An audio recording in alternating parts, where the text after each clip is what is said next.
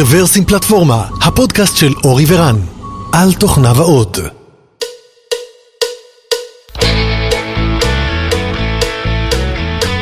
שלום וברוכים הבאים לפודקאסט מספר 456 רוורסים פלטפורמה. תאריך היום הוא רביעי באפריל 2023 והתכנסנו כאן בשביל הקרבורטור מספר 35. היי אורי, מה נשמע? כל כך הרבה מספרים. כן, כן, מלא מספרים להקריא.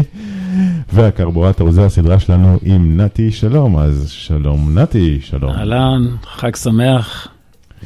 כן, לקראת חג וואלה, שמח. חג נכון. חירות אה, אמור להיות חירות, נכון? המילה הפעם טעונה, טעונת, אה, ט- טעונת יתר. הרמת להנחתה. כן, לגמרי. אוקיי, יש לי נושא מעניין היום. אז אה, כן, אז באמת אנחנו ככה יום לפני חג הפסח ב-2023, ובעיצומה של אה, מתיחות פוליטית, חברתית והכל, שאלה בה אולי ניגע קצת, אבל בעיקר אנחנו רוצים לדבר על אה, איך אנחנו אה, כתעשיית ההייטק יכולים לעזור ולגשר על פערים חברתיים שקיימים היום בישראל. מה אנחנו יכולים לעשות, איזה דברים כבר נעשים ומה עוד ניתן לעשות.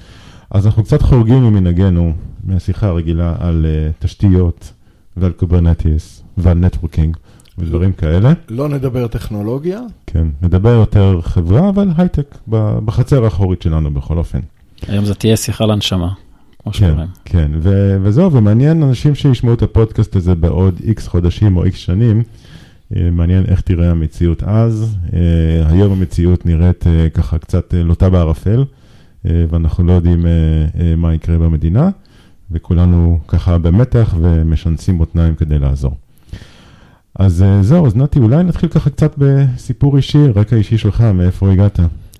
כן, אז אני, באמת הפשן שלי סביב המשפט הזה שאמרת לגבי שימוש בהייטק אה, כמנוף חברתי, זה התחיל מהסיפור האישי שלי, באמת ההייטק, זה מה, ש, זה מה שחוויתי מההייטק, זאת אומרת, הוא באמת עזר לי לצאת מהמעגלים שהייתי בהם, גדלתי במשפחה של הורים שהם עברו עלייה במעברות, אה, לא ידעו קרוא וכתוב, אה, ומשפחה מרובת ילדים. אה, וזה רקע שקלאסי שבו אתה לא נחשף בכלל לעולמות האלה בדרך כלל. אם לא, אה, אם לא מישהו חושף אותך לזה מבחוץ, אתה לא תיחשף לדברים האלה, וזה הרבה פעמים מהגורל של אה, ילדים כמוני. אני מתחיל להרגיש אה, ייסורי מצפון שלא הצעתי לך חוואי לקפה.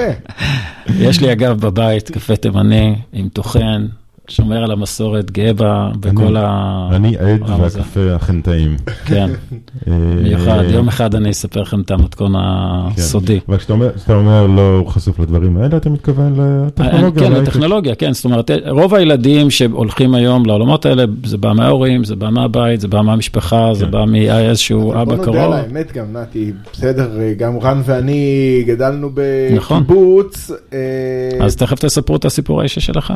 נכון. טוב. אז אני חושב שגם אה, פה יש כנראה איזשהו טוויסט לא, אני, אני ש... רק אומר שרמת הטכנולוגיה שילדים חשופים אליה היום היא שונה לגמרי בכלל, כי אובייקטיבית, נכון, כן, אתה צודק. אובייקטיבית לא, לא היה. נכון. היה מישהו שטוחן חוואייג'.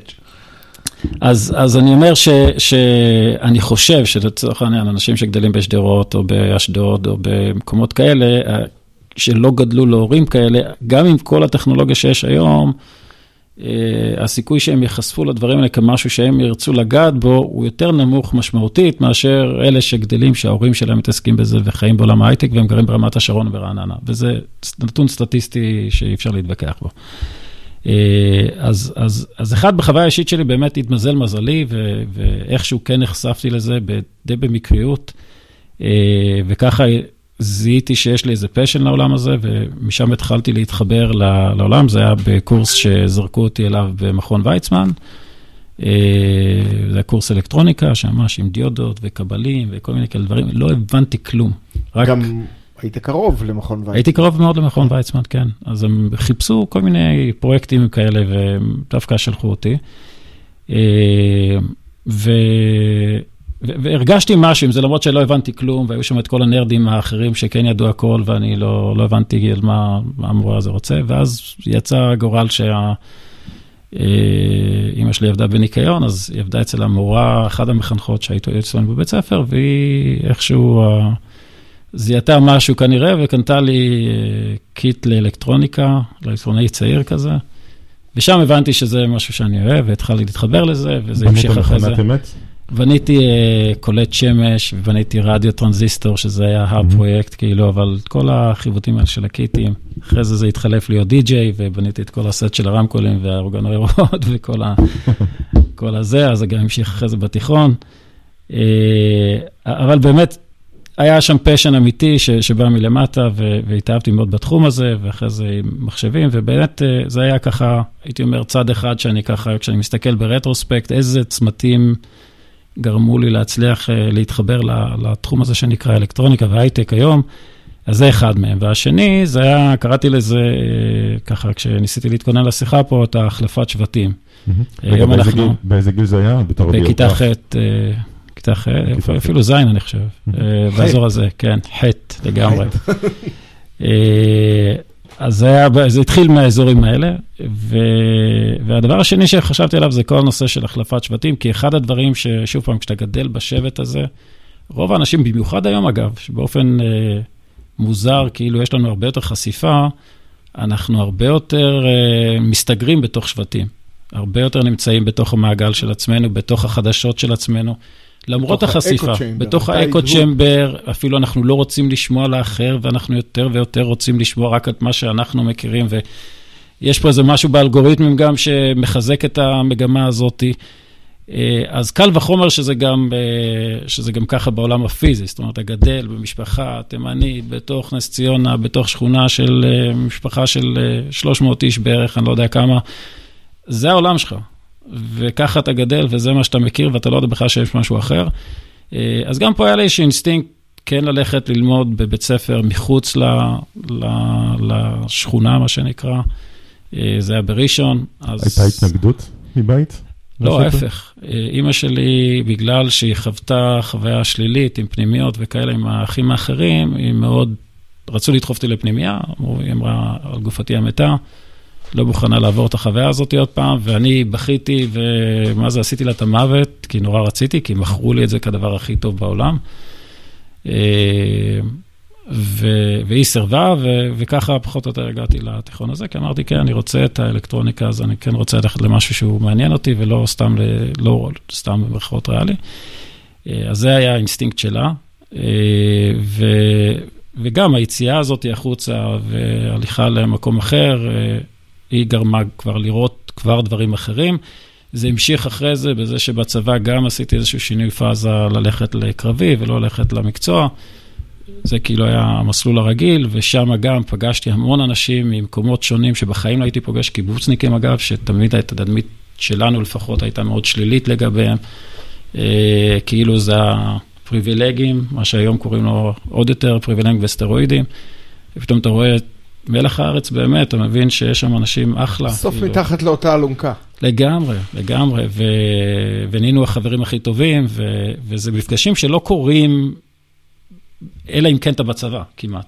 כאילו, מה הסיכוי שאני מנס ציונה אהיה חבר של הקיבוצניק?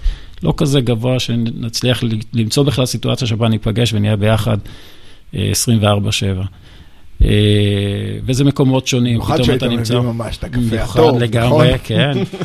ואחרי זה אתה נמצא גם במקומות שונים, אתה נמצא בקצוות של הארץ, במקומות ששוב פעם, אני היום בקושי יוצא מהאזור הזה של רעננה והרצליה, ואם אני יוצא אז לטיול, זהו, פחות או יותר.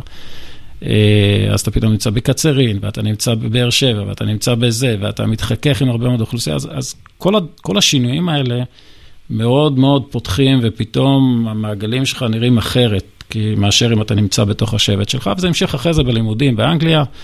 אה, שגם היה איזשהו, איזשהו כנראה פשן אה, מבפנים, איזושהי בעירה פנימית לנסות דברים, אה, וזה כאילו היה הטיול שלי לחו"ל, אז בכלל שמה, אני חושב שהעולם נפתח הכי הרבה, כי, גם, כי למשל האוניברסיטה בארץ היא יחסית הומוגנית, רוב הזמן לומד עם ישראלים.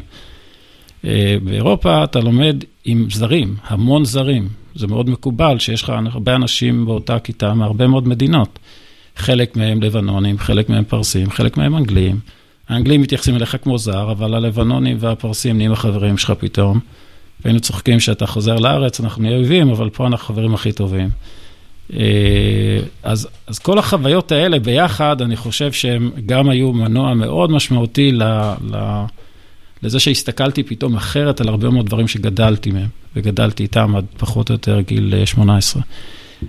אז כשאני ככה מסתכל על זה ברטרוספקט, אני אומר, היו שתי דברים. אחד זה חשיפה באמת לעולם, מה שהיום נקרא הייטק, והשני זה, זה היום המילה המכובסת הזאת נקראת גיוון, diversity, היכולת באמת ל, ל, לראות הרבה, הרבה פרספקטיבות של החיים, של אנשים, של עולמות, של לצאת מהשבט שאתה נמצא בו. זה מאוד מאוד רלוונטי, אני חושב, ל, למה שקורה לנו גם בארץ, בזה שכל אחד, קל לו מאוד להסתגר בתוך השבט שלו, קל לו להיות מאוד צודק ומאוד חכם ו- ו- ובתוך ה... ולהסביר למה הוא צודק יותר מאחר ולמה האחר הוא הדבר הכי גרוע שקם אי, פעם ולמה הוא בוגד. ומעט מאוד מצליחים לעשות, מנטלית אפילו, את היכולת להיכנס לנעליים של האחר. נניח בשיחות שיש לנו במשפחה, ואצלי, בלי הנראה, יש הרבה מאוד ביביסטים, אז זאת אומרת, אם, אם יש הצלחה שאנחנו יכולים לעשות בדיון, זה לא לשכנע אחד את השני, אין סיכוי, אבל לפחות להבין שיש גם דרך אחרת לראות את המצב. ואנחנו לפעמים מצליחים. אז אני חושב שאם יש משהו שאני מקווה שיצא מהפודקאסט הזה לאנשים שלא חושבים אולי כמוני או כמוכם, זה שיש פה אותנו שחושבים בדרך מסוימת, ו... ואפשר להסתכל על זה ב... בכל מיני צורות, ואפשר לחשוב על זה בכל מיני צורות, ואני מקווה שזה ה... מה שיצא מהשיחה הזאת. אתה הרמת פה, או, או פתחת את הנושא הזה של, של כיתוב. נכון. דיברת על השבטים, בסדר, יש נאום ארבעת השבטים של, כן. של רובי ריבלין. הסיפור הזה של שבטים הוא היום קצת יותר רחב בגלל הנושא של אקו צ'יימברס, אוקיי? הדעה שלי התקבעה איפשהו בגיל 16, של כל אחד מאיתנו, ומאותו רגע אנחנו feeding up עם אותו, אותם מסרים, וזה גורם לנו כל הזמן לשמוע ולהדהד את, את, את, אותה, את אותה דעה. ו, וגם התקשורת, גם ה social networks מאוד גורמים לזה, ולאט לאט אתה רואה את הקיטוב הולך והולך ומתעצם, וזה לא רק בישראל. ארה"ב באותו סיפור, אירופה, אנגליה, ברקזיט, מדינות, הרבה מאוד מדינות באירופה מקצינות, מקצינות כל הזמן. ואני לאחרונה ניסיתי לחשוב מה, מה ההפך מכיתוב. וההפך מכיתוב, כמו שאני מבין את זה, זה סולידריות.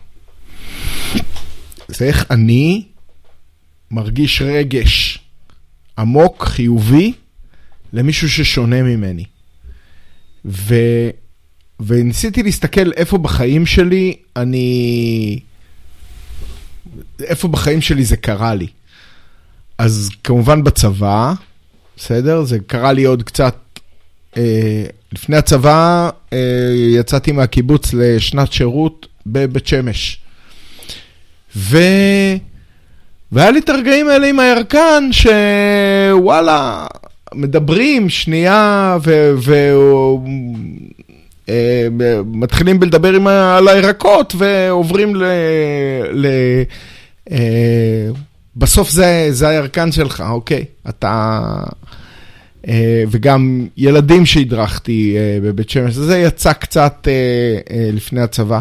הצבא זה, לא סתם הוא נקרא כור היתוך, אוקיי? שאמרו לי, זה לא, זה לא בהכרח הדבר הנכון להשתמש בו. אבל הוא גורם לכולנו להיות מתחת לאלונקה. אה, ובמיוחד, לדעתי, אתה דיברת על, השירות הקרבי, הוא מחבר אנשים. אה, לאחרונה אה, נרצח בחווארה הלל יניב. הלל, אני לא מכיר אותו, הוא שונה ממני לגמרי. אבל הרגשתי רגש מאוד עמוק של צער על הדבר הזה. אה, בעיקר בגלל, אתם יודעים, אה, בסוף בן אדם שאני לא מכיר, ו- ואין גם סיכוי שהייתי מכיר אה, ברמה האישית, אבל הוא היה סגן מפקד דבורה, והיה לו מפקד אה, ספינה כמוני, ש... שחי איתו צמוד, ו... והם היו צוות, והם עבדו ביחד, והם נרטבו באותם שפריצים, והקיאו בדופן אה, ביחד. אה, אבל זה מה שמחבר בין אנשים כשעושים דברים ביחד. ואותו דבר, עובדת חרדית שיש, שיש אצלי וה, וילדה לפני שבוע, ושמחתי, מאוד שמחתי, למרות שאנחנו שונים לגמרי אה, אחד מהשני.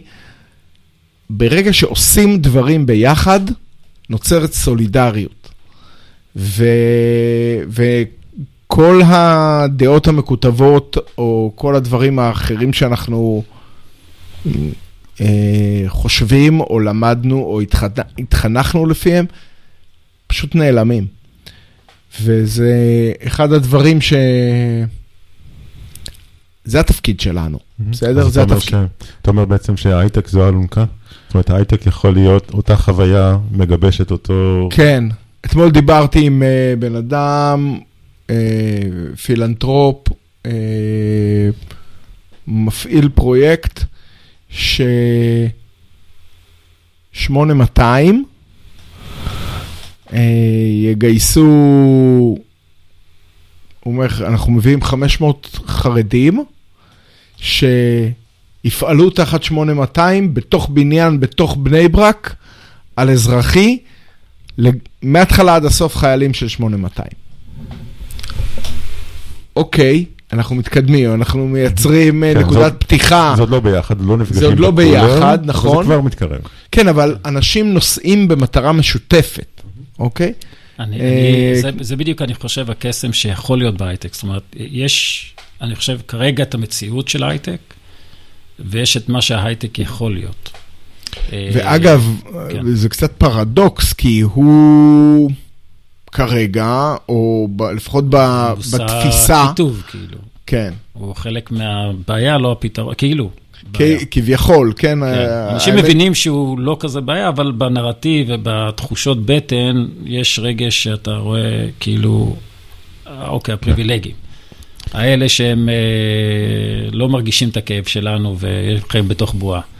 אז בואו רגע נחזור. במידה מסוימת, אגב, בצדק, ולכן אני אומר... אבל, ש... אבל אני חושב שהרבה מאוד, אה, וגם לא מדברים על זה, ואנשים שעושים דברים בעניין לא אוהבים, ש... לא אוהבים לדבר על זה, אבל נעשים המון המון דברים אה, במסגרת חברות ההייטק, שנועדו לצמצם את הפערים האלה. אז אז בואו רגע נתמקד. אז לכאורה, כדי להיכנס, להיות אה, מפתח או מעצב או איש מכירות בהייטק, אתה לא צריך אבא עשיר, אתה לא צריך אה, אה, כישרון יוצא דופן שיש רק לגזע אה, מסוים, אתה, זאת אומרת, לכאורה כל הסיכויים אה, יכולים להיות שווים, ובכל אופן הם לא, אוקיי? אז זהו, אז אני חושב שאם אני שם את הרוביקון, כאילו, מתי זה כן ומתי זה לא, אז יש את הכניסה למועדון ויש מה שקורה אחרי שאתה במועדון. Uh, החסם הגדול זה הכניסה למועדון. זה היכולת להגיע... שאגב, ל... השער לא תמיד פתוח, בדיוק. אנחנו... אז, אז אני חושב ששם עיקר הבעיה, ותכף אני אגע בנקודה הזאת, כי אני חושב שהיא גם החדשות טובות, אני חושב שפתירה יחסית בקלות. Uh, אבל החוויה שלי היא שברגע שנכנסת למועדון, אף אחד לא מסתכל על מי אתה, מה אתה, מאיזה מוצא אתה, אתה טוב, אתה תתקדם, אתה לא טוב, וזה, זה, אני חושב, מאוד מיוחד להייטק, גם בגלל שזו חברה מאוד גלובלית, ואתה לא, גם אתה לא בתוך ecosystem רק של ישראל, אתה בקלות יכול למצוא את עצמך בארצות הברית ובמקומות אחרים, ו, ו, ומראש זו סביבה מאוד מאוד הטרוגנית אה, ופלורליסטית. אה, ובאמת, אתה, אתה, אני לפחות בחוויה שלי הרגשתי שאם אתה טוב, אתה תתקדם. לא טוב, לא תתקדם, לא משנה מאיפה אתה ומה אתה. יכול להיות שיש לך קצת אה, חיסרון יתרון בנקודות פתיחה, אבל לא בהרבה, זה לא קונה לך פער מאוד גדול. יש לי שאלה אה, אליכם, הייתם... אני לא הייתי בכל כך הרבה חברות. אבל uh, בחברות שהייתי ובחברה ספציפית שאני כבר 17 שנה, uh, הגיוון הוא ערך, נכון. אוקיי? הייתם בחברות שבהן פחות שמים לזה לב, כי, כי אף אחד לא יגיד, לא ישים בערך, בערכים שלו, אנחנו חברה גזענית. אה, אבל... כן, יצא לי להיות אבל... במקומות, יצא לי להיות בארגונים שבהם, אה, נכון, אף אחד לא בא ואמר, אנחנו לא מקבלים X, או אנחנו גזענים, אבל בפועל היו קשיים. היו קשיים. בגלל, בגלל שלא שמו לב ל-unconscious bias? כנראה, או שהיה conscious bias שלא נאמר בקול. אחד משניהם. אוקיי. Okay. אבל אה, כן, יצא להיות במקומות כאלה, אני חייב להגיד שאותו מקום מאז עבר תיקון, לדעתי, אבל בהחלט הייתה תקופה שזה היה קרב קשה להכניס, אה, אה, להכניס אנשים עם רקעים שונים, כן. תראה, יש, יש את הבעיה עם החרדים היא טיפה יותר מורכבת, כי יש בה בעיית קלצ'ר מאוד גדול, גם עבורם וגם עבור הקולט לצורך העניין. כי אם אין לך את ה... פתיר, אין לך מושג כמה זה פתיר. סבבה, אני רק אומר, זה, זה חסום יותר גדול מלקחת למשל אפילו, אה, יש לי עובד מטול כרם, יותר קל לי להביא אותו מאשר להביא חרדי, כי חרדי,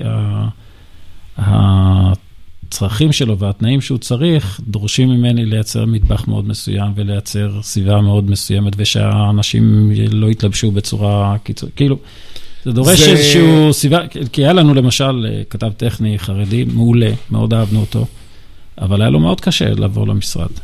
אה, הוא אמר, ה product manager באה לבושה בצורה כזאת, אני, אני לא, יכול, לא יכול להרגיש נוח בסביבה כזאת. עכשיו, אתה יכול, לא, לא יכול לשנות את כל ה culture בשביל להתאים לבן אדם אחד, ו, וכיוצא בזה, אז, אז שם דווקא כן היה מורכבות. והפתרונות שהרבה פעמים חברות עושות, זה ממש מייצרות, אה, כמו שאמרת על הדוגמה של 8200, ממש מייצרות סוג של סיילו, שזה חבל קצת, אבל, אבל זו הדרך כמעט היחידה כן איכשהו להכיל את הדבר הזה של...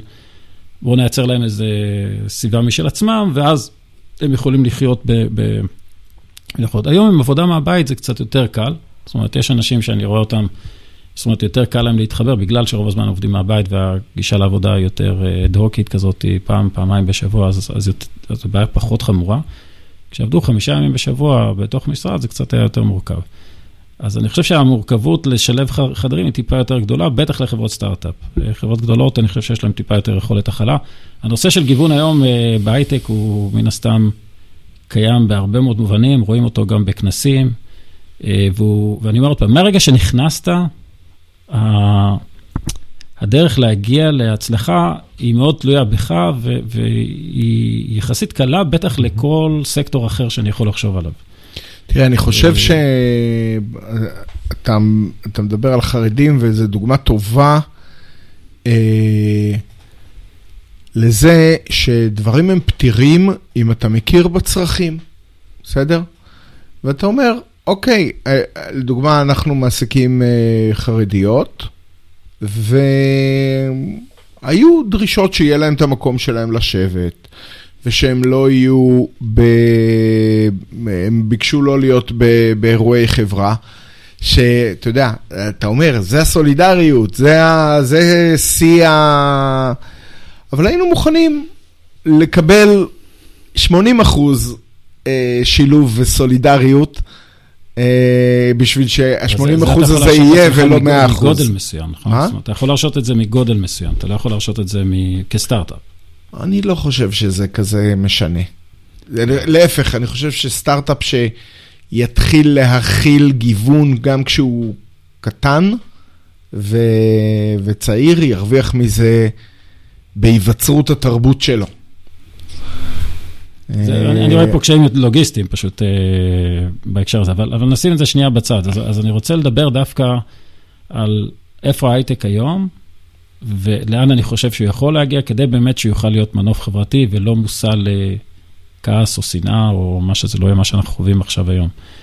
אה, אז, אז היום באמת יש את המצב הזה שבו אה, רוב האנשים, אם מסתכלים סטטיסטית, אז, אז המספרים מדברים בעד עצמם, הסטטיסטיקות מראות שפחות או יותר 20 אה, אחוז ופחות, 18 אחוז, 17 אחוז מסטודנטים לצורך העניין באשדוד או קריית מלאכי יגיעו לאזור ההייטק, ולעומת זאת אתה תגיע לאזור ה-30 ומשהו אחוז, 40 אחוז ברעננה, הוד השרון ומקומות האלה. זאת אומרת, ממש פערים של פי שלוש כמעט. אה, אז, אז סטטיסטית, כמות האנשים מהפריפריה שמשולבים בתחום ההייטק, היא יותר נמוכה מאשר האזורים שהם, זה נקרא בשפה הסטטיסטית, אשכולות החזקים. זו הצורה שבה החליטו לשם הזה. ועכשיו כשאתה מסתכל למה זה קורה, אז אני חושב שפשוט אין מדיניות, אין משהו ש... וזה מה שאני חוויתי בחוויה האישית, אין משהו שהופך את החוויה האישית שאני חוויתי כמעט במקרה למשהו בסקייל. זאת אומרת, למשהו שהוא סוג של אה, אה, מדיניות. וכשאני אומר מדיניות, זה נשמע מילה מאוד אמורפית, אני אנסה לתת אה, דברים ספציפיים. היום בהייטק יש דבר כזה שנקרא מיקור חוץ. זאת אומרת, בשנייה אתה עובר היום לפורטוגל, ואתה מעביר אנשים לפורטוגל, ובשנייה אתה קולט אנשים מפולין, או מהודו, או ממדינה אחרת. האנשים שלך, אתה יכול להעביר את כל המשרד שלך, כמו שאנחנו רואים, כולל את הכסף, כולל את ה business שלך למדינה אחרת. אה, הגמישות היא מאוד גדולה, לטוב ולרע, אבל היא מאוד קיימת, וברגע שיש incentive, מספיק incentive אה, עסקי, אז ה business יודע להתאים את עצמו מאוד מאוד מהר ל incentiveים האלה. עכשיו, כשאני לוקח את הדוגמה הזאת של מיקור חוץ, זו דוגמה קלאסית של ניוד אנשים וניוד עובדים במסות, ב scale. אתה יודע איזה. הנחות אה, מיסוי מפליגות יש על אה, אה, משרדים בבאר שבע? אני יודע, אבל שים לב מה, מה אמרת עכשיו, וזה בדיוק לדעתי הטעות במדיניות הזאת היא ספציפית, כי מה היא מקדמת? משרדים בבאר שבע, לא אנשים בפריפריה. מי אמר שאנשים בפריפריה מרוכזים דווקא בבאר שבע? אני חושב שזו מדיניות שניסתה לתקן, אני חושב שפשוט לקחה את הפרמטר הלא נכון של האינסנטיב. במקום להגיד אינסנטיב שאומר, לא משנה איפה הבן אדם גר בפריפריה, הוא צריך להיות באשכולות ההם, בכל הארץ, לאו דווקא בבאר שבע. אה, אני נותן incentive לעובד, לא למעסיק. אני יכול להגיד לך שלא משנה, לא, לא אגלה מה קורה בתוך החברה שאני עובד בה, אבל יש חברות אחרות אה, שעובדים מדווחים על איפה שהם עובדים, אבל לא בהכרח נמצאים בהם. אז יש בעיה מסוימת עם הצורה שבה ה incentive הזה, ולכן הוא לא אה, ייצר את ה scale הזה, הוא לא, הוא לא ייצר מנוע scale. מנוע scale זה, זה דומה, דומה ל incentive של מיקור חוץ, להגיד, אוקיי, אם יש לך עובד, ואתה ועובד באשכולות של הפריפריה, הוא גר שם, לא, לא המשרד שלו שם, הוא גר שם, ואתה מוכן להעסיק אותו, אז יהיה לך הנחות במס אפילו בשנים הראשונות. או לחילופין, ההכשרה שלו, אנחנו מוכנים לממן אותה. את החלק אה, של השנה הראשונה, מה שזה לא יהיה הכשרה, או להעביר אותו קורס, זה עלינו. אה, וככה בעצם יהיה לך אינסנטיב עסקי, ואז אתה תוכל, אתה, אני מעריך שכשאתה תרצה לקלוט אנשים, ואתה תשקול לקחת בן אדם מפולין, או לקחת בן אדם מפה, וזה יעלה לך בערך אותו דבר, אה, בשורה התחתונה, אתה תעדיף גם בן אדם מפה, ותוכל לקלוט אותם משם, ויוכלו לצאת גם ממש הרבה יותר בוגרים משם. אז אני חושב שיש כלים, למשל, פשוטים כמו זה, שכן אה, דורשת פה איזושהי מדיניות, אה, במקרה הזה פיסקלית של, אה, של ממשלה, שאומרת, אוקיי, אני רוצה לקדם אותם, אני לא מקדם גיאוגרפיה במובן של הבניינים, אני מקדם אנשים שנמצאים בפריפריה, וככה אני בעצם מייסר אינסנטיב יותר בסקייל, ובאמת אני יכול לגשת לאוכלוסיות הרבה יותר רחבות. אז זו דוגמה אחת. אה, דוגמה שנייה, שהיא באמת אה, קידום של הרבה מאוד תוכניות, שאני חושב שנגענו בהן, שבאמת עוזרים לאנשים אה, להיכנס לשער הזה. ואז אני אומר, ברגע שהם נכנסים לשער, הם כבר ידעו לשחות. וזה באמת התוכניות, שק... יש המון תוכניות שקיימות היום, המון. הבעיה שלהם היא שהם מאוד... כל פעם שיש אה, פריחה בעולם ההייטק, נוצר נכון. חוסר. אז, אז עוד יותר הם פורחים, אבל הבעיה שלהם זה שזה הרבה מאוד יוזמות יחסית פרטיות, יחסית קטנות, ולכן מה שצריך לעשות זה בעיקר אה, אה, להגדיל אותם. זאת אומרת, למצוא מביניהם, אה, לפי כל מיני מדדים, להגיד, אוקיי, מבין התוכניות האלה אני רוצה לקדם איקס תוכניות, ואז לשפוך על זה קצת יותר כסף. מאיפה הכסף הזה יכול לבוא, כדי שלא נדבר פה כאילו אנחנו לא מחוברים לקרקע?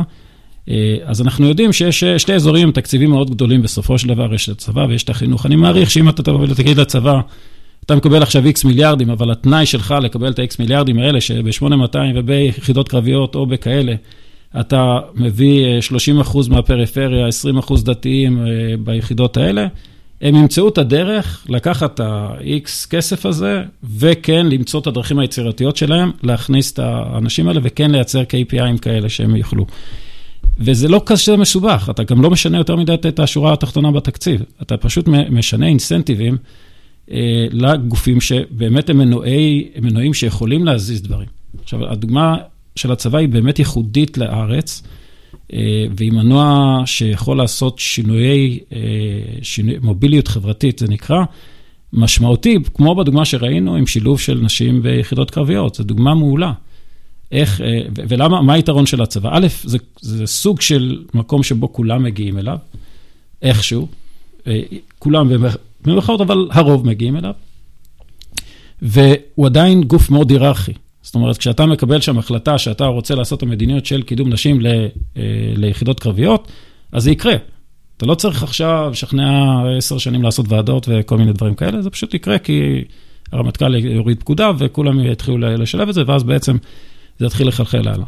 וזה יתרון ענק. זאת אומרת, אם עכשיו אני רוצה להגדיל אה, דרך הצבא את הדברים האלה, אז הצבא יכול להיות מעורב כבר לעשות scouting לבתי ספר שיש בהם פוטנציאלים כאלה, כבר לשלוח אה, חיילות אה, מלמדות או מה שזה לא יהיה, ולייצר קורסים לסייבר או קורסים למה שזה לא יהיה בבתי ספר בפריפריה, ולהביא אנשים כאלה שיגיעו כבר לצבא, כמו שהם עושים בקדם צבאי וכמו שהם עושים במכינות, שיגיעו כבר מוכנים אפילו ל skill set הספציפי שהוא רוצה, ולאו דווקא כאלה שיש להם בגרות של חמש יחידות, אה, שעברו איזשהו מסלול גנרי. ואז הוא מרוויח פעמיים. עכשיו, אני אעצור פה שנייה, כי, כי אני חושב של... אה, אה, למה זה טוב לנו כחברה, אני חושב שיש הרבה מאוד מובנים למה זה טוב כחברה, ו, ופה יש כל מיני נתונים שאני ארצה לדבר עליהם, אבל אני רוצה שנייה לעצור פה כדי שזה לא יהיה איזה מונולוג mm-hmm. אינסופי. כן, אז הנה, שאלה, ואחר כך תוכל להמשיך לדבר. אז דיבר, הזכרת מה המדינה יכולה לעשות, אינסנטיבס מסוגים שונים, צבא, הזכרת יוזמות פרטיות. מה אנחנו כמעסיקים יכולים לעשות, או מה אנחנו עושים היום ואיך אפשר להשתפר בזה. אה, בין אם זה אה, מנכ"לים של החברה, או גם ראשי צוותים ועובדים פשוטים בחברה, שמה הם יכולים לעשות כדי לקדם את הנושא של, אה, של הגיוון. אז אולי אני אדבר רגע כדי לתת לנתי קצת לנשום. אני חושב שהדבר הראשון זה זה, להכיר בזה שזה חשוב, ו, ולנסות אה, לנסות לפעול בכיוון. זאת אומרת, תמיד ללכת ולהכיר את התוכניות שמנסות, כי יש אין סוף תוכניות שמנסות להכניס אה, אה, אוכלוסיות מגוונות פנימה לתוך ההייטק, וזה מאוד חשוב אה, אה, להכיר אותם. אחד הדברים שאנחנו כשאנחנו מסבירים על הערך שנקרא diversity and inclusion, אז בגדול אתה אומר diversity זה לא מטרה. זה אחלה תוצאה אה, לתרבות של inclusion. זאת אומרת, אה, גם אם אנחנו רוצים לגוון אצלנו את, ה, את האוכלוסייה, הדבר האחרון שאתה רוצה זה שמישהו ירגיש mm-hmm. שהוא בא על תקן. על ה ticket okay? אוקיי? של על ה ticket, בדיוק. Yeah. כן. Mm-hmm. אה, אתה, אתה ממש לא רוצה שזה יקרה, ולכן אתה, אתה משנה את, ה, את התרבות לתרבות של, אתה פועל שתהיה תרבות של inclusion, למשל. של הכלה. אה, כן, למשל אה, אה, נושא של שילוב נשים, או העלאת ה... אני חושב שה-Outbrain, לפחות ה engineering שלה קרוב ל-50% נשים. Mm-hmm. מה שגורם לזה, זה א', Work-Life Balance נורמלי, וב', היכולת, אה, למשל ב, בתוך אה, שרשרת הראיונות, שיפגשו נשים, אוקיי? אה, זה גורם לפחות רתיעה, זה גורם להם להרגיש יותר שייכות, ו, ו, ואם אם יש כישרון, אז קדימה. אה, אין, אה, אין לך סיבה לא להגיע. אה, אותו דבר... וזה עובד? כן, הנה, אתה, אנחנו רואים במספרים איזה, איזה מספרים גבוהים של, של העסקת נשים יש לנו. אז, אז זה, זה בדוגמה של נשים, אבל עוד פעם, כשאתה מנסה להביא אוכלוסייה מסוימת, תנסה. זאת אומרת, אבל עדיין סטטיסטיקה ברמת תעשייה, היא שזה לגד... כמעט ולא גדל בשנים האחרונות. זאת אומרת, הגיע איזשהו לפלטו מסוים. בתעשייה. ב- בממוצעים. של כן. התעשייה, אנחנו... אתם גבוהים יותר אנחנו מאחרים. נמצאים באחוזון נכון, הגבוה. זהו. השאלה היא איך- איך אוקיי. פותרים את זה ב... תראה, רגע, לא, לא, אני... כן. אומר, אורי, אורי שאלה ששאלתי. אתה מדבר על חינוך, על פוליסי של מדינה. אורי עונה בחצר האחורית שלו, מה הוא יכול ב- לעשות. ב- ברמה שלנו נכון. כ- אה, כמנכ"לים וכמי שמנסים לעשות את חלקנו בעניין הזה, זה אפילו אם מדינה תעשה המון, אם בסוף הארגונים לא, לא יהיו מוכנים, התרבות שלהם לא תהיה נכונה, אה, אם אני רוצה לקלוט אה, חרדיות, אם אני מוכן לעשות טיפה להתגמש כדי, ש... כדי שהם יוכלו להיות חלק. אה, אני אגיד לך מה, איפה אני מתחבר למה שאתה אומר, אני חושב שאחד הדברים שאנחנו כולנו חווים עכשיו, זה שבאמת אה, היה תקופה שבה, תקופה ארוכה, שבה הייטק היה סוג של בועה, אה, שכאילו כל מה שקורה במדינה לא קשור אלינו פחות או יותר, ואנחנו מתנהלים בתוך איזה מין סמי מדינה משל עצמנו. אה, אני חושב שעכשיו זה מכה אותנו, מכה לנו בפרצוף. אה, בשיחות שיש לי עם הרבה מאוד אנשים, זה, זה התחושה הזאת, ש, וזה כבר התחיל לקרות דרך מחאת ההייטקיסטים, שיש בה הרבה מאוד, לדעתי, דברים מעניינים שקורים כתוצאה מהגלי, הגלים שקורים כתוצאה מזה, זה, אנחנו לא יכולים להתנתק מהמדינה, אנחנו לא בועה באמת, אנחנו בכל זאת חלק מהמדינה הזאת, ואם אנחנו נהיה בועה, אז, אז מתישהו גם לא יספרו אותנו כשאנחנו נצטרך שיספרו. אה, ו- ומה ש, שאני מתחבר אליו ממה שאתה אומר, זה, זה כשאנחנו חיים כבועה, אז אתה לא חושב עד כדי כך על הדברים האלה. וכשאתה לא חושב כבועה, כשאתה אומר, אוקיי, מה אני נותן חזרה? איך אני, מה אני מקבל חזרה? מה אני נותן חזרה? איך אני מייצר מצב שאני, שיותר יותר אנשים, יותר קבוצות, הם חלק מהדבר הזה, חלק מה, מההייטק הזה ונהנים ממנו. אני חושב שאם נצליח להגיע לזה שיותר חלקים, בין אם זה נשים, ובין אם זה מזרחים, ובין אם זה פריפריה, ובין אם זה דתיים, ואני חושב שההייטק הוא מקום כזה שבהחלט יכול להיות ה... המכונה הזאת שיכולה לייצר את המוביליות הזאת, אה, אז פתאום נמצא גם את השפה המשותפת שדיברת עליה. אה, כי התחלתי מזה שאחד הדברים שככה עזרו לי לצאת מהשבט שאני נמצאתי בו, זה השינוי מקום, משנה מקום, משנה מזל, ו- וכל הדברים האלה. אה, ובאמת אני חושב שאם נצליח להגיע לקבוצות יותר גדולות באוכלוסייה שיהיו חלק מההייטק, אז באופן טבעי, א', הם יהיו פחות עוינים, כי הם יהיו חלק מזה, הם גם ייהנו מהפירות של זה, וב', תהיה יותר שפה משותפת. זאת אומרת, אנחנו כנראה גם נמצא יותר ערוצים שבהם נוכל להיפגש ונוכל לראות אחד את השני, בין אם זה בכנסים ובין אם זה במקומות אחרים, וזה יכול להיות ה... אולי ה... מקודם בהקמת המדינה, הדבר המאחד הזה היה הציונות, אז אני חושב שה start-up nation צריך להיות הדבר המאחד הבא. אני יודע שנשמע, אני אומר את זה ואני נשמע סופר נאיבי ואליטיסטי ווואטאבר, אבל באמת אני לא יכול לחשוב על משהו אחר בישראל שיכול להיות משהו כזה, איזושהי תעשייה אחרת שאפשר להגיד עליה איזשהו משפט כזה, שכן יכולה להגיע להרבה קהלים, שכן יכולה להגיע לסוגי אוכלוסיות אה, גדולות, שכן יכולה לייצר מוביליות חברתית. איזו תעשייה אפשר לחשוב עליה שיש לה את הפוטנציאל אפילו התיאורטי להגיע לכזה כן. דבר. בוא, בוא נעשה לך רגע בן גוריון. כן. אה, כן, אז פעם זו הייתה גאולת האדמה, אה, קיבוץ גלויות, אלה היו אידיאלים. אתה בא ואומר, אוקיי, אה, קיבוץ גלויות אנחנו עכשיו הולכים לעשות באמצעות אה, ההייטק, וההייטק זו אדמה, שאותה, נכון. אנחנו, שאותה אנחנו צריכים לעבוד עכשיו. הרווסטינג, כן. כן, וממנה אני- יצמחו הגידולים. אני חייב להגיד ש...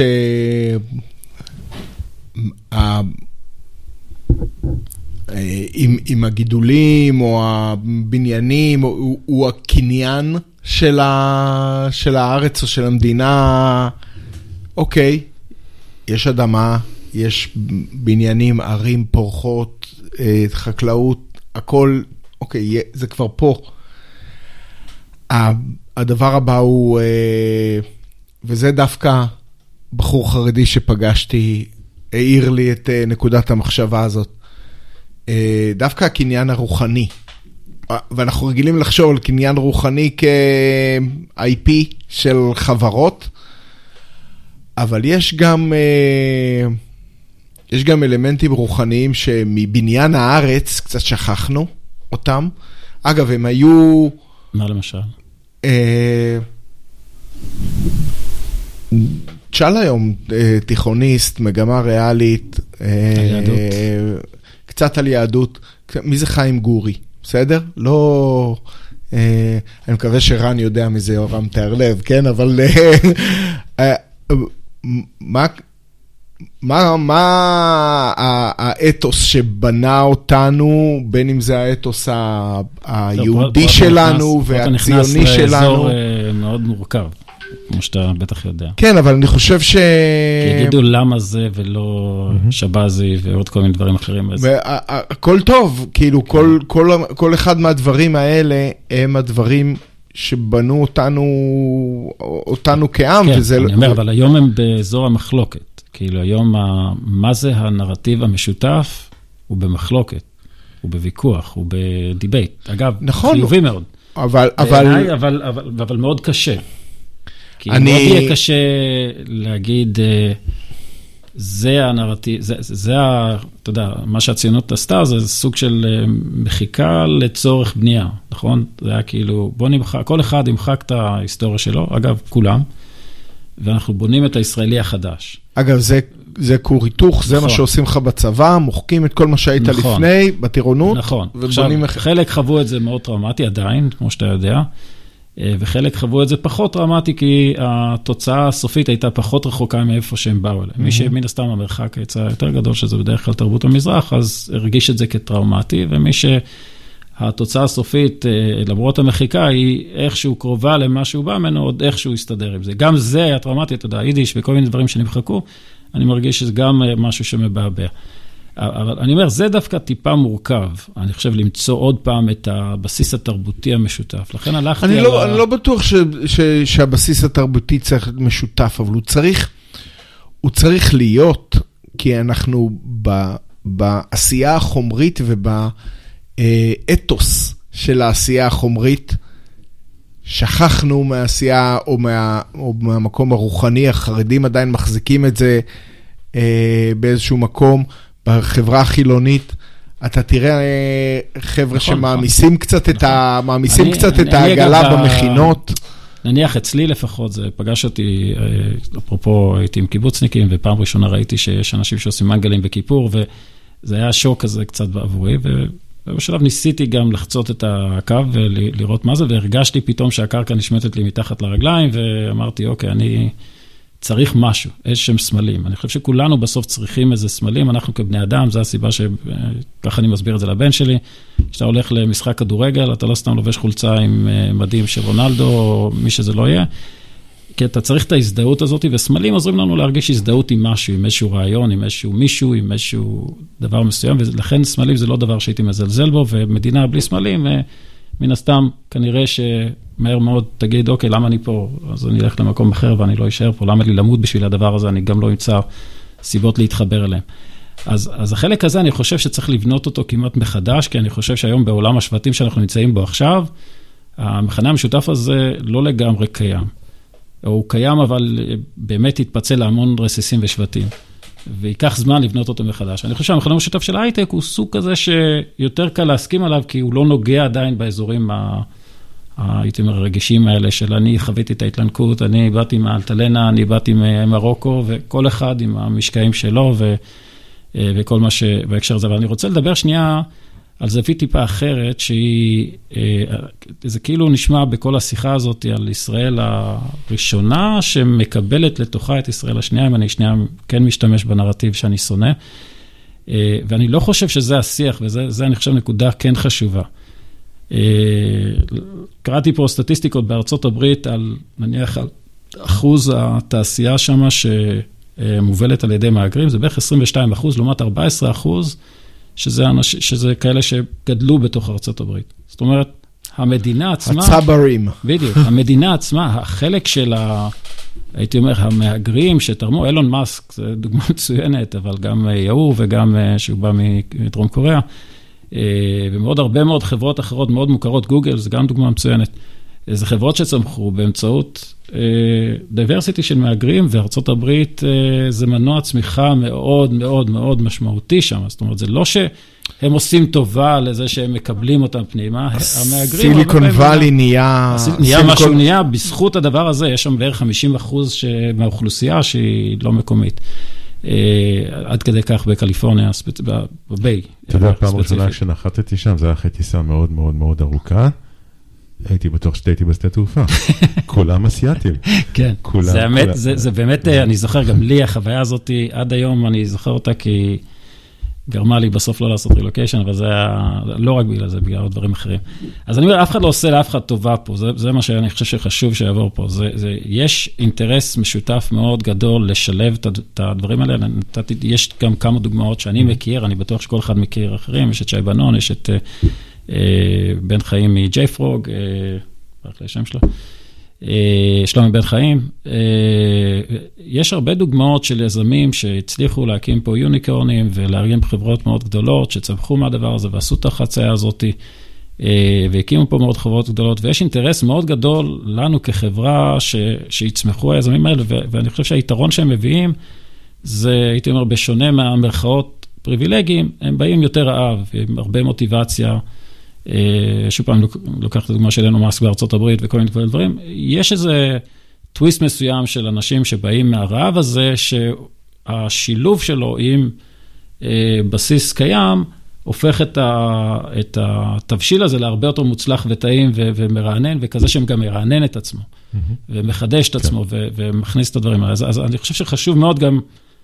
לשים את זה על השולחן, זו לא איזו טובה שמישהו עושה למישהו ומכניס אותו למועדון. כן, זאת אומרת, diversity זה לא רק למען ישראל, למען אחדות העם, למען שלמות ולמען האידיאולוגיה, אלא יש פה אינטרס כלכלי. נכון, די ברור, אנחנו נצליח יותר אם נייצר diversity. ואני חושב שאחרי שיהיה את זה, אפשר יהיה לדבר על בניית הנרטיב התרבותי המשותף הזה. אני חייב להגיד שישראל, by definition, היא חברת מהגרים. נכון. אוקיי? וזה מה שאפשר את, אה, את הסטארט-אפ ניישן, וזה לא משנה מאיפה אנחנו מהגרים. כולנו מהגרים פה, בואו, לפחות היהודים. כולנו, כולנו מהגרים ואין פה אליטות, אה, אין פה אנשים שחיים פה יותר מדי דורות.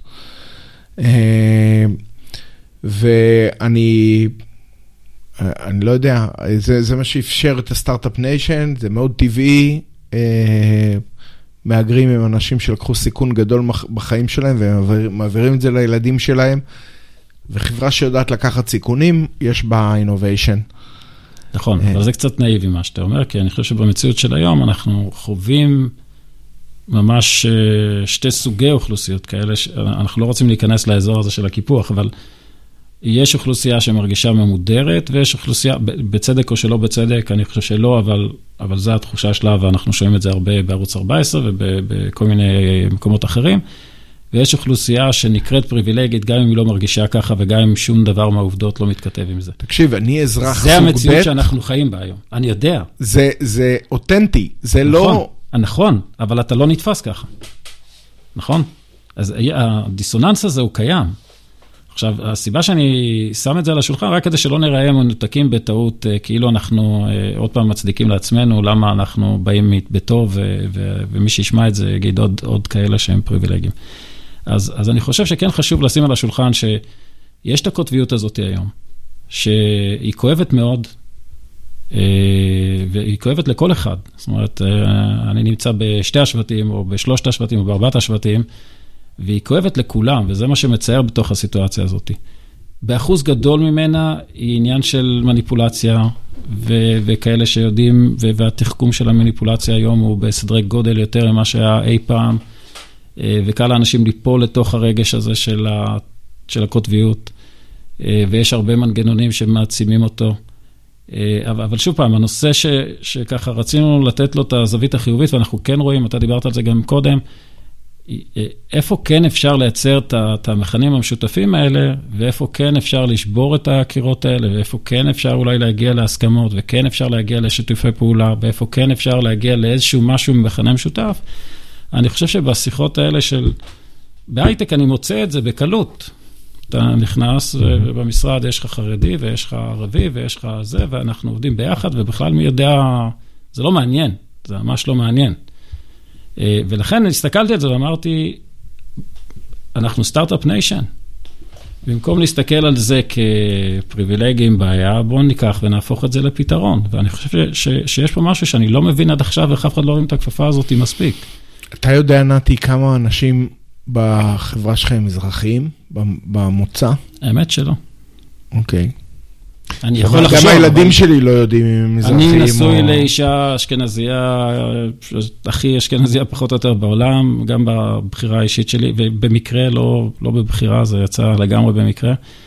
אה, אז הילדים שלי הם מעורבבים, אה, אז להם זה גם צורם, כאילו, הם אגב יותר שחומים מאשר לבנים, אז הם חווים את ה... את ה לפעמים את הגזענות. אה, אבל, אבל זה... זה, זה, זה קיים. אני, אני אומר, זה, זה קיים וצריך להכיר בזה, אבל יש גם אזורים שבהם זה פחות קיים. ו... וזה, אני חושב, הנקודה המרכזית שככה הייתי רוצה שכל אחד ייקח מזה, של... כי אני חושב שכולנו מסתובבים עם התחושה הזאת של המחאות וההפגנות, ואנחנו צודקים, ו... ו, ו מה זה הממשלה, הדבר הזה שקם עלינו... אה, לעשות לנו את כל הדברים שאנחנו הכי, הכי פוחדים מהם. ואתה מדבר עם הצד השני והוא מרגיש כמעט את אותו דבר, והוא מרגיש שלא סופרים אותו, כי לא נתנו להעביר איזה חוק. ו, ובמקום אחר אתם בכלל חברים, ופה אתם אויבים, ובשנייה.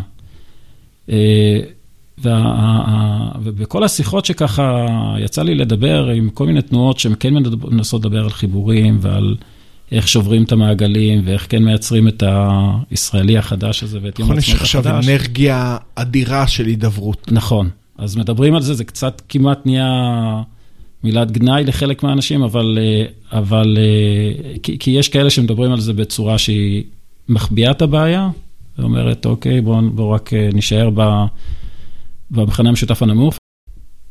ו, ואני חושב שה... קודם כל, הבעיה עצמה היא בעיה שהיא חלק ממגמה עולמית של קיטוב.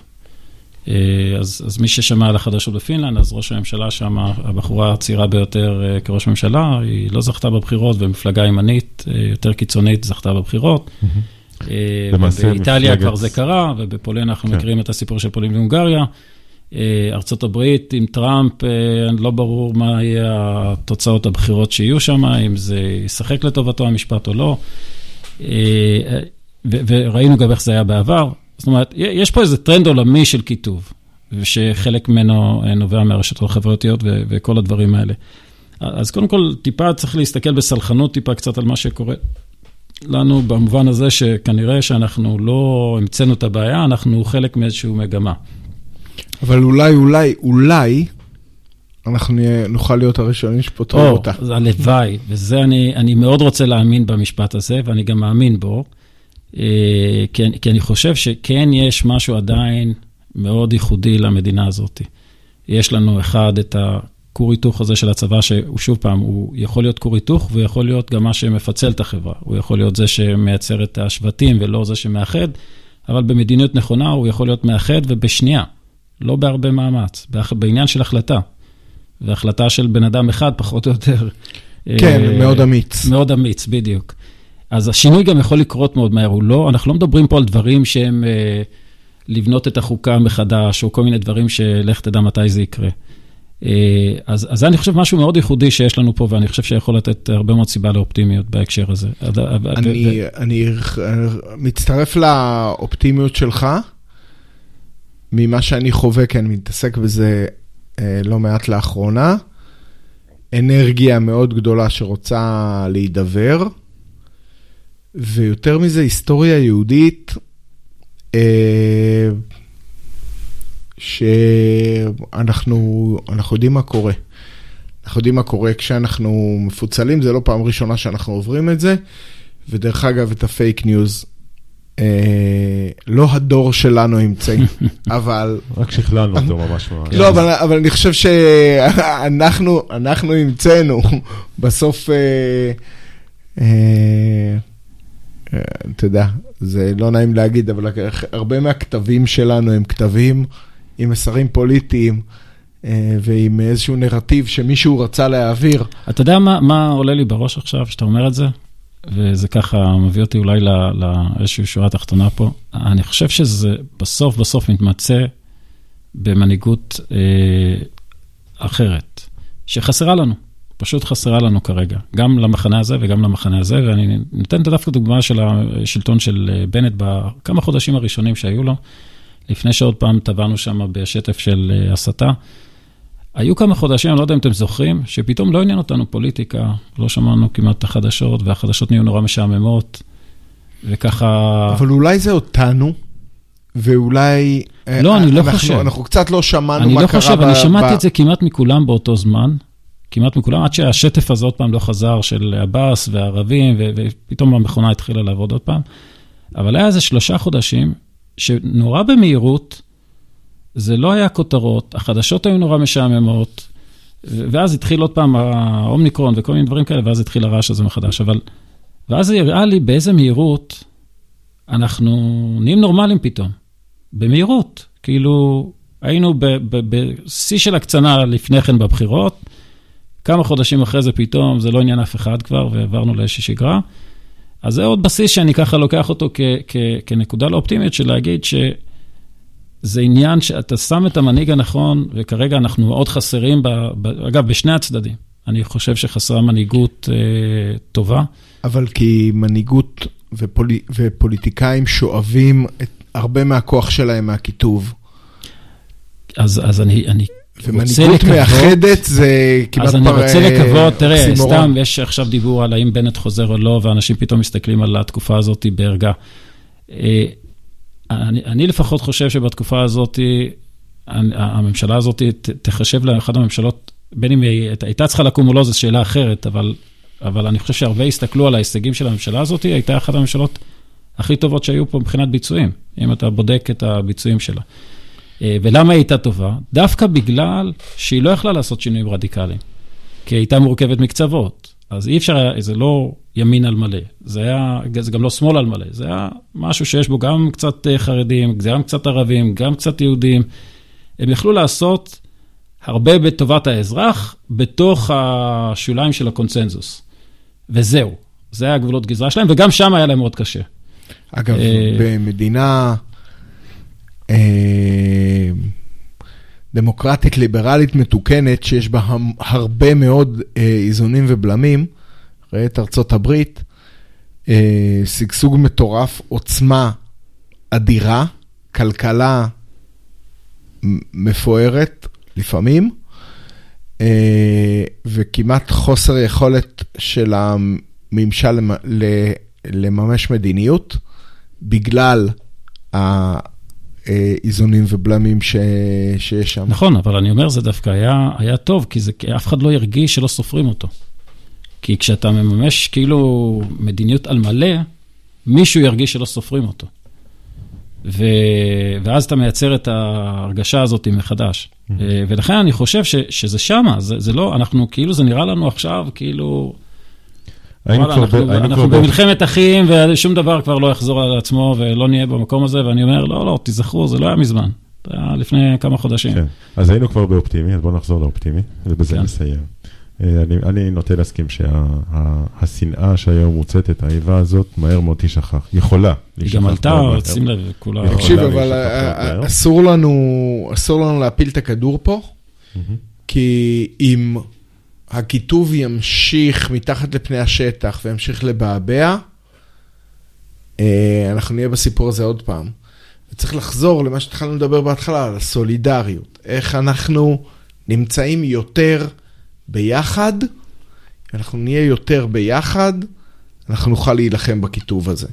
אם אנחנו נמשיך להיות כל אחד בגטו שלו, אה, אז, אז הכיתוב יפרח, יפרח שוב. בחיי מדינת ישראל. זה כל מה שיש לי לומר. שיהיה חג שמח. בקרוב יום העצמאות. יום העצמאות. בקרוב יום העצמאות גם, וואו. כן. איזה תקופות. אנחנו חלק מהיסטוריה, אתם יודעים את זה. כבר היינו, אנחנו עוד פרק בהיסטוריה. נעשה שוב היסטוריה. כן. תודה רבה. נתי, על תודה, השיחה. הזאת. אה, מהלב, זה באמת אה, נושא חשוב, שהוא אה, באמת משמעותי לכולנו, ונשמור על האופטימיות הזו. להתראות.